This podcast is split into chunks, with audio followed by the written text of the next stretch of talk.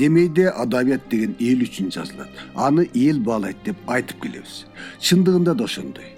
Бирок ар бир иштин көзүн таанып ак карасын кесипкөйлүк дарамет менен талдап да баалап да бере тургандар ал адабияттын сынчылары болот. Маселен он тогузунчу кылымдагы орус адабиятында пушкин менен гогольдун же болбосо лермонтовдун ким экенин алар орустун тарыхында эмнеси менен калаарын улуу орус сынчысы белинский өз убагында ачыктап да тактап да берип кеткен. Ал эми француз адабиятында флобер менен мапассандын блес паскаль менен бальзактын чыгармаларын дагы бир атактуу сынчы сент бюф учурунда эң сонун кылып баалап берип кеткен экен. Кыргыз адабиятында ошондой бир катар залкар сынчылар болгон ошолордун ичинен эң эле мыктысы жана билимдүүсү. Башкаларга караганда абдан принципиалдуулугу керек болсо чыныгы көк жалдыгы менен адабият тарыхында калган сынчы жана адабиятчы кеңешбек асаналиев десек эч бир жаңылбайбыз биз кийинки муундун адабиятчылары жана сынчылары ошол кеңешбек агайдын таалими менен илимге жана сынга аралаштык мен маселен агай менен беш жылга жакын илимдер академиясында бир кабинетте бир сектордо чогуу иштедим. Таалим тарбиясын алдым дегендей. Ушул эле ойдо адегенде адабият сынчысы болуп эмгек жолун баштап кийин чоң саясатка мамлекеттик кызматка өтүп кеткен камбаралы бобулов салижан жигитов абдыганы эркебаев да айтмак. Асаналиевдин жетекчилиги менен бир миң тогуз жүз сексенинчи жылдарда кыргыз совет адабиятынын эң биринчи терең да сапаттуу да жазылган эки томдук тарыхы жазылган эле. Ал эми азыр өз алдынча илим катары калыптанып калган айтматов таануу илими да ошол кеңешбек асаналиев тарабынан түптөлгөн эле. Чыңгыз айтматов менен жаштайынан тааныш жана дос болуп анын чыгармаларынын эң биринчи окурманы жана сынчысы да ошол кеңешбек асаналиев болгонун баса белгилешибиз керек айтматовдун эчтен китептерине баш сөз жазып орус тилинде да кыргыз тилинде да эң жогорку деңгээлде макалаларды анализдерди жазган ушул кеңешбек асаналиев агай болчу.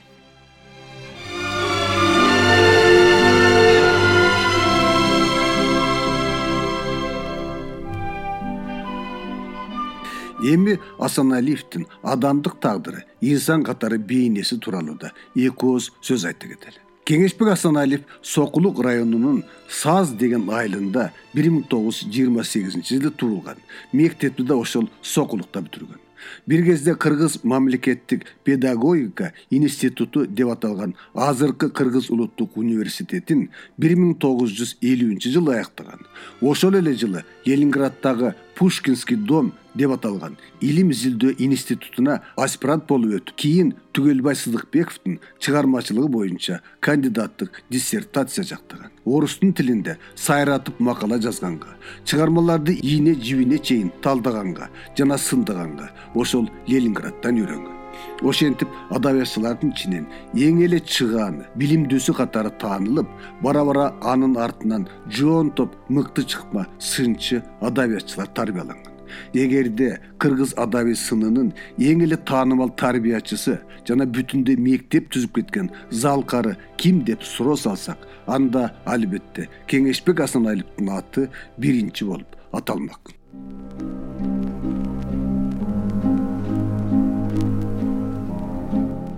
Кеңешбек агай эки жолу үйлөнүп эки кыз бир уулду болду тилекке каршы биринчи айылынан тапкан уулу мезгилсиз кайтыш болуп агайды көп кейишке салганы азыр да баарыбыздын эсибизде кеңешбек асаналиев тууралуу сөз болгондо анын чыңгыз айтматов менен достугун пикирлештигин атайлап айта кетпесек болбос. Биринчиден чыкебиз менен жашташ болуп санаалаш болуп санаалаштыгынан эч бир жазган жок экинчиден жазуучунун чыгармаларына эң биринчи баа берип адабий коомчулукка жарыя кылган да ушул киши эле айтматовдун чыгармачылыгын дээрлик отуз жылдай изилдеп ар бир китебине ар бир жаңы чыккан чыгармасына эң биринчилерден болуп баа берип макала жазып атайын изилдөөлөрдү жазып турган да кеңешбек агай болду маселен айтматовдун атактуу гүлсарат повести бир миң тогуз жүз алтымыш сегизинчи жылы чыкканда жоргоңон жазба гүлсары деп чагылгандай тез. Бутага мээлегендей таамай. Ар бир сөзү билим менен зор эрудицияны даярдыкты көрсөтүп турган макаласын ала тоо журналына биринчи болуп чыгарган эле мындай макалаларды санай берсек сөзүбүз оңой менен бүтмөк эмес. Кеңешбек асаналиев кыргыз адабиятындагы алыкул осмонов аалы токонбаев түгөлбай сыдыкбеков төлөгөн касымбеков сыяктуу залкарлар тууралуу да азыркыга чейин маанисин жогото элек көп макалаларды жазды.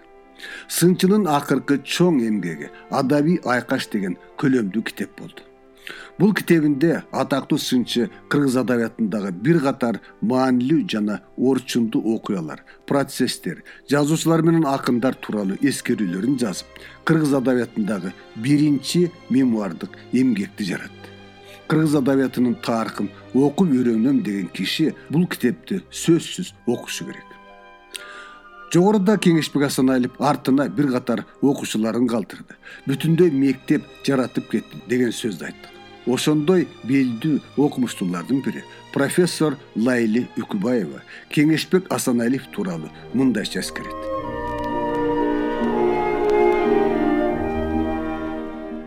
ага аябай жөнөкөй адам эле да. Ошол улуттук университетке барганда мен муну кийин газетага да жаздым эми ошол учурда э, биздин көзгө басар сынчыбыз адабият таануучубуз э, профессорубуз дегендей бул эле кыргызстандын э, масштабында эмес. Ошол учурда союздук масштабдагы айдын эмгектери чыгып ошентип аткан улуу кишибиз. Барсам бир кичинекей кабинетте шалдыраган бир стол стулдарда мындай отурат эле да мен аябай э, өзүм ичимен э, ичим ооруп калат эле да. Анткени ал кишилерге деле ошол учурда казакстандан биздин илимий советтерге тияк бияктан кишилер келет эле. Анан ушу биз э, өзүбүздүн улуу адамдарыбызга ушундай бир жакшынакай шарт түзүп жакшынакай мүмкүнчүлүктөр түзүп бербеген. Э, ошол учурда э, мисалы үчүн деканатта жаш балдар тигил бул жерде жүргөндө өздөрү үчүн аябай жакшынакай кабинеттер жасап алган да анан профессорлордун отурган жерлери тигиндей болгондо абдан э, жүрөгүм кысылып ушуну ойлоп калчу элем. Агай болсо эч ага деле маани бербеген сыяктуу кабинетте э, ошол саматов менен э, анан өмүралиев деген э, аскар деген бир кесиптештер бар да ошол менен бош убактысында беймарал шахмат ойноп тамашасын айтып отурганын көрчү элем да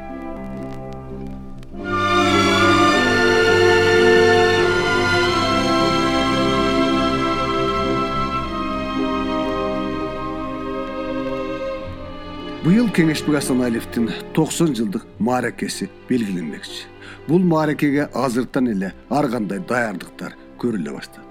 Туура мындай улуу адамдардын атын атап эмгектерин эске алмайынча адабиятыбыз да маданиятыбыз да өспөйт. Жаңы муунду тарбиялашта кыйынга турат. Анткени руханий эс тутум улуттун ургаалдуу алга жылышынын бирден бир шарты болуп эсептелет